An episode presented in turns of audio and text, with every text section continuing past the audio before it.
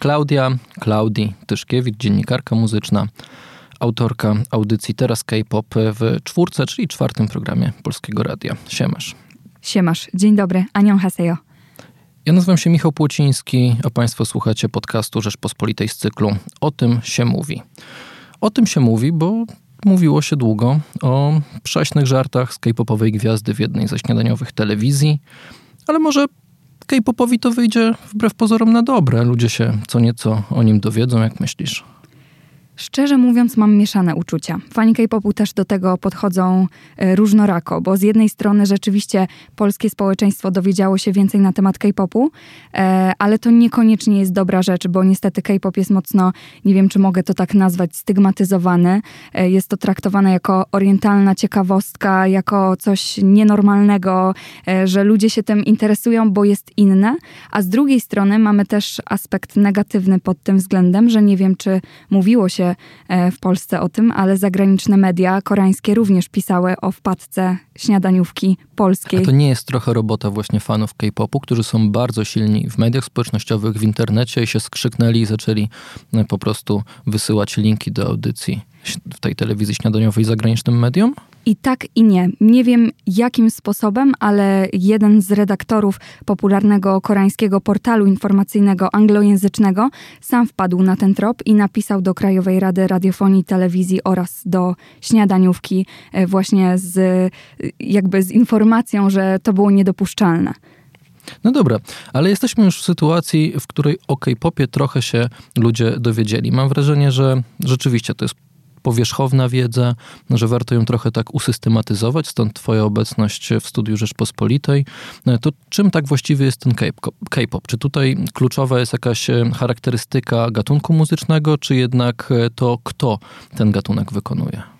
Myślę, że bardziej kto ten gatunek wykonuje. K-pop jest odłamem popu, to po prostu koreański pop. Więc jeżeli chodzi o samą stylistykę muzyczną, on będzie się tylko niewiele różnił od tego popu najczęściej amerykańskiego, którego słyszymy w radiu, który słyszymy w radiu. E, I, i jeżeli chodzi o K-pop, jeżeli cokolwiek miałoby go wyróżniać, to właśnie sposób tworzenia gwiazd, sposób nagrywania teledysków, choreografię, a jeżeli chodzi o muzykę, to jest taki trochę bardziej orientalny, z taką nutką azjatycką, pop amerykański. No ale dużo tutaj jest elektro, dużo jest y, pewnych y, wpływów hip-hopowych, prawda? Nawet tak, tak, powstało słowo, które dla mnie jest niesamowite. K-poperzy, to brzmi jak y, jacyś tancerze, jak b-boye, prawda? To jest stricte hip-hopowe słowo. To zacznijmy od postaw. Czy Psy i Gangnam Style to K-pop? K-pop? Tak, to jest K-pop, aczkolwiek fani K-popu e, podchodzą do tego e, jako taki drażliwy temat, bo zazwyczaj jak komuś się mówi, słucham K-popu, a, to ten gang, Gangnam Style, ten, ten Psy. No. tak, Psy Gangnam Style zdecydowanie.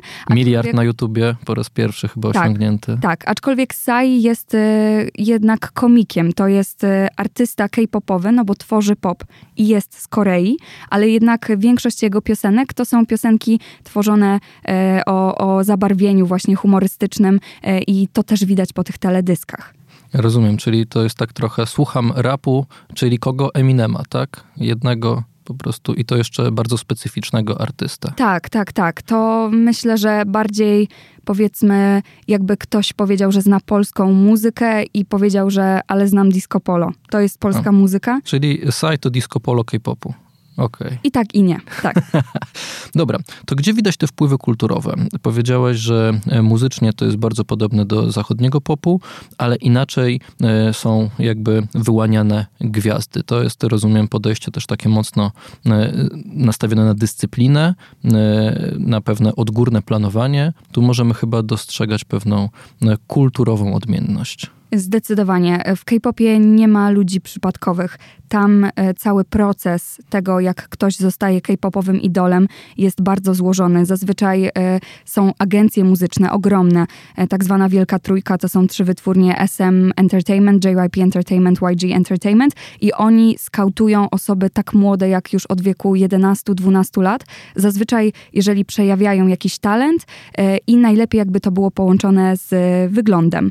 I właśnie właśnie kiedy mają taką osobę pod swoją pieczą, to trenują z tą osobą wszystko.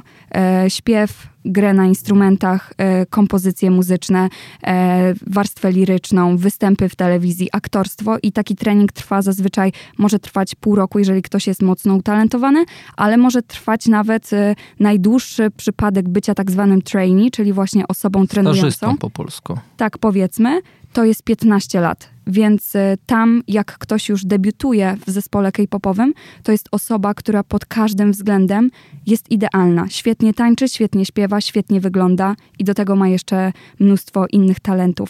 Warto też powiedzieć o tym, że K-pop tworzy znaczny procent PKB e, Korei Południowej, więc oni nie mogą sobie pozwolić właśnie na przypadki, bo to by się wiązało z kraksą finansową.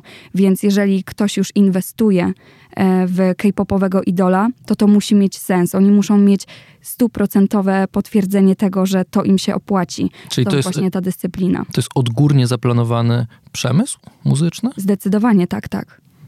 I czym to się różni od y, na przykład tworzenia boys bandów czy girls bandów, które znamy na przykład ze Stanów Zjednoczonych w latach 90.? Jest jeszcze bardziej profesjonalne? Jest jeszcze bardziej profesjonalne. Tam osoby, które rzeczywiście e, są w tych boys bandach czy girls bandach, to są osoby, które, e, tak jak powiedziałam, są po latach treningów. Tak. E, Ale oni są jakoś. Pod każdym względem. Oni są jakoś w szczególny sposób dopasowywani do siebie? Kiedyś tak było. Y, K-pop w ogóle powstał w ten sposób, że Koreańczycy zainspirowali się tym, co było na zachodzie i trochę to przekuli w swoją własną rzecz. Y, więc na początku było tak, że dobierali na przykład charakterem, o, to ty będziesz śmieszkiem grupy, a ten będzie takim bardziej hip-hopowcem i tak dalej, i tak dalej. Ty będziesz tak e, wyrzutkiem, tak? A ty tak. będziesz tym przystojnym. Dokładnie. W tej, kiedyś tak było, w tej chwili tak nie ma. Tutaj bardziej jest nastawienie właśnie na, na tą perfekcję, na wygląd, na choreografię a reszta, jeżeli chodzi o charakter, to e, w trakcie wszystko wychodzi. I rozumiem, że bardzo istotna jest tutaj promocja, teledyski, ale, ale nie tylko, tak? Słyszałem o czymś, co się nazywa comebacki i to są zupełnie, zupełnie co innego niż w Polsce, bo w Polsce jak słyszymy comeback, to znaczy, że ktoś wraca, tak? tak. Na przykład zawiesił karierę. Czym są comebacki w K-popie? Za każdym razem, jak K-popowy zespół powraca na scenę z nową piosenką. To jest właśnie comeback. Czyli kilka razy w roku mogą wracać, tak? Tak, zdecydowanie. Mm, tak. I jaką rolę odgrywają teledyski i koncerty, ale może zacznijmy od teledysków najpierw. Ogromną rolę. Przede wszystkim to jest pierwsza rzecz, którą e, fani tego właśnie e, stylu muzycznego zauważają, dlaczego ktoś zostaje fanem K-popu. Słucha się tej muzyki, ale przede wszystkim patrząc na teledyski, to jest e, niesamowita uczta dla oczu. Jest kolorowo, są świetne choreografie, wszyscy wyglądają idealnie, właśnie stąd e, numer jeden wśród stu najprzystojniejszych mężczyzn. I jeżeli chodzi o te teledyski, to one bardzo często mają jeszcze jakby dodatkową głębię. Na przykład najpopularniejszy zespół zespół, z którego właśnie pochodzi e, Jungkook z BTS. To ja to znam jest właśnie, Bangtan jeden Boys. zespół. Tak, BTS. E, oni bardzo często w swoich teledyskach e, zostawiają dla fanów tak zwane easter eggi, po czym tworzy się całe teorie, e, całe historie, dlaczego właśnie ktoś był w takiej pozycji albo dotykał takiego przedmiotu. I rzeczywiście to ma sens. Jak się złoży to w całość, to wychodzi jedna wielka historia, na, na podstawie której można by spokojnie napisać książkę. Równolegle jakby świat K-popu, tak? Zgadza się, zgadza się. To jest dopiero profesjonalna popkultura. A jakie podejście mają gwiazdy K-popu do fanów? Fani są najważniejsi. Bez nich e, nie istnieliby. Dlatego też. E, no ale w Europie też tak się mówi. Wszystkie nasze gwiazdy, czy rapu, czy disco polo, mówią, fani są najważniejsi. Tak, oczywiście. Tylko e, w zachodniej kulturze, jeżeli ktoś popełni błąd, albo czasami nie zastanawia się nad tym, co robi, to. Albo bardzo zostanie łatwo, złapany z narkotykami, czy. Tak. U nas bardzo łatwo wybaczamy albo stwierdzamy, e, zresztą dojrzale, e, moim zdaniem, że to jest ich życie. Oni mają prawo prowadzić życie tak, jak chcą. Natomiast w Korei za każde najmniejsze przewinienie może być czyjaś kariera absolutnie skończona. Stąd właśnie e, te bardzo restrykcyjne zasady. Na przykład większość zespołów ma zasadę, że trzy lata od debiutu nie mogą być w żadnych związkach. Dlatego, że gdyby fani dowiedzieli się o tym, że ich ukochany idol ma dziewczynę, to tak jakby zdradził fanki bo to one czekały na niego, to one wydawały na niego pieniądze kupując albumy, chodząc na koncerty, więc jakim prawem on teraz wiąże się z kimś innym? No to bożyszcze tłumu to zupełnie nowego wymiaru ten, to pojęcie nabiera. No dobra, koncerty. Podobno fani K-popu uwielbiają koncerty, nawet jeżdżą, nawet Koreańczycy jeżdżą ze swoimi ulubionymi zespołami po całym świecie, co wydaje się już naprawdę poważnym, znaczy no to, to, to dopiero są fani, tak? Tak, to prawda. E, koncerty K-popowe też zdecydowanie różnią się od e, takich zwykłych koncertów zachodnich. Przede wszystkim e, jest coś takiego, taki rekwizyt, który zabiera się na koncerty. Nazywa się to lightstick i każdy zespół ma zaprojektowany własny lightstick, który w dzisiejszych to, co czasach... to jest lightstick? Już właśnie tłumaczę. To jest, że tak powiem, taka świecąca... Kiedyś to była pałeczka, taki fluorescencyjny pałeczka, którą się przełamywało. Chyba każdy to pamięta. Tylko, że ich ewolu ewoluowały i to są takie mini latarenki, które świecą na różne kolory. W tej chwili są łączone z aplikacjami i są dopasowane do setlisty koncertowej. Więc jeżeli jest cały tłum na stadionie, wszyscy mają w ręku y, te lightsticki, to w zależności od piosenki tworzy się, że tak powiem, oprócz tego, co jest na scenie, dodatkowe świetlne show e, właśnie e, podczas tego, jak tańczy publiczność. E, to jest jedno. I właśnie idąc za tym, za lightstickami, fani podczas koncertów albo różnych gal, wydarzeń mogą w ten sposób wyrazić swoje niezadowolenie. Najgorszym, co można zrobić dla danej grupy k-popowej, to stworzyć tak zwany Black Ocean, czarny ocean. To oznacza, że na przykład część publiczności wyłącza swoje lightsticki i jest ciemno na publiczności. To oznacza, że zrobili coś złego albo antyfani weszli na płytę koncertową. To tak jak chuligani się ścierają ze sobą fani K-popu, tak? Tak, tylko Są oni jakieś fan, fan kluby, rozumiem? tak, tak, jak najbardziej. Każdy fan klub ma swoje imię e, i na przykład BTS ma swoje armii, swoją armię. E, jeżeli chodzi o inny popularny zespół EXO, ma EXO-L e, i, i każdy fan klub ma swoje imię. Można przynależeć do wielu fan klubów, ale jeżeli chodzi jeszcze właśnie o taką e, e o takie nazwy k-popowe, to można przynależeć do wielu fan klubów, aczkolwiek UB Ultimate Biasa można mieć tylko jednego. UB to nazwa na swojego ulubionego idola, czyli zazwyczaj od osoby, od której się zaczęło przygodę z K-popem, albo kogoś, kto stoi ponad wszystkimi zespołami i wszystkimi idolami. To jest I, właśnie UB. I to trzeba wpisać w opis na Twitterze? Y, wypadałoby. No dobra. To zostawmy koncerty i przejdźmy do pytania, które oczywiście w Rzeczpospolitej musi paść. Jaka tu jest rola państwa? Bo państwo koreańskie, Korea Południowa dawno zauważyła, że K-pop i w ogóle przemysł muzyczny może odegrać dużą rolę e, w ogóle w promocji całego przemysłu, całej gospodarki, całego państwa koreańskiego. Czy naprawdę sponsoruje K-pop? Odgórnie go planuje? Mm, jeżeli chodzi o sponsorowanie, nie jest aż tak do końca, że, że tak powiem, ułożą finansowo na rozwój K-popu, aczkolwiek bardzo go wspierają, bardzo go promują. Swojego czasu prezydent Korei e, jeździła z zespołami K-popowymi do różnych krajów i organizowała tam koncerty po to, żeby promować właśnie koreańską kulturę. E, jest bardzo dużo takich e, ulg prawnych, jeżeli chodzi o K-popowych artystów. Ostatnio była dosyć głośna dyskusja na temat tego, czy K-popowym artystom, którzy mocno przysłużyli się dla koreańskiego kraju, dla promocji tej kultury za granicą, aby odpuścić im obowiązkową służbę wojskową.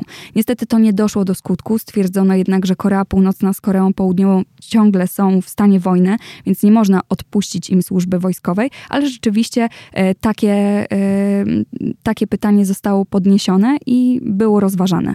A koreańska fala, czyli wielka moda na Koreę, ona już zatacza ogólne, globalne kręgi, czy na razie to rzeczywiście trochę taka nisza w Polsce? Jest moda na koreańską kulturę dzisiaj? Jest zdecydowanie. Jest e, ogromna moda e, i ona trwa już od wielu, wielu lat. Tak naprawdę w to, Polsce... To my jej po prostu nie zauważyliśmy do tej pory, tak? Tak, tak. Tutaj muszę e, pstryczek właśnie w stronę dziennikarzy polskich. Mainstreamowych dziennikarzy, żeby tak. mi się dostały też. tak, właśnie musi się panu dostać, ponieważ już kilka lat temu K-pop bywał na galach e, muzycznych. Taki zespół Big Bang już kilka lat temu wygrał e, nagrodę EMA za najpopularniejszy światowy zespół, więc to nie jest tak, że to się pojawiło z dnia na dzień. To trwa i trwa bardzo długo.